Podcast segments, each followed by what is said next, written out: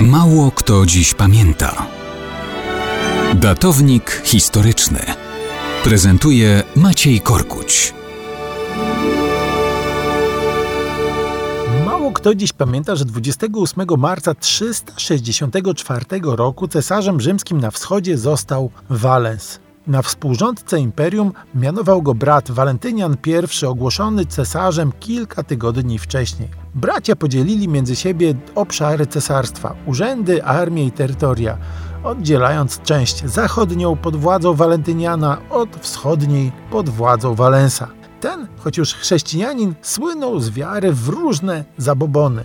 Obawiał się magów, wróżbiarzy i różnego rodzaju przepowiedni oraz znaków magicznych a w pewnym momencie pojawiła się fama, że część dworskich dostojników oddaje się wróżbiarstwu ukierunkowanemu na poznanie imienia nowego cesarza. O wszystkim Walensowi doniesiono. I okazało się, że wróżono na różne sposoby, a to pierścień zawieszony na nitce nad specjalnie skonstruowanym trójnogiem z literami wypisanymi dookoła miał wskazać, że Imię następcy zaczynać się będzie od liter T od. Również kogut wydziobujący ziarna poukładane na literach nakreślonych na piasku miał wskazać to samo. T od.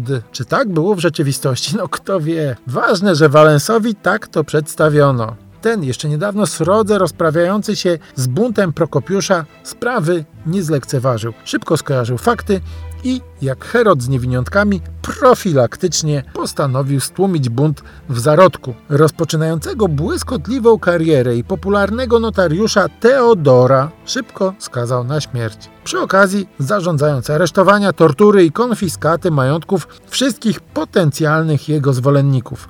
Bogu ducha winny Teodor zakończył karierę i życie, a Valens triumfował wbrew przepowiedniom. Jakiś czas później jednak ów Walens sam padnie na polu bitwy z Wizygotami pod Adrianopolem. Ale, ale, a kto będzie jego następcą? Teodozjusz Wielki, a jednak Teod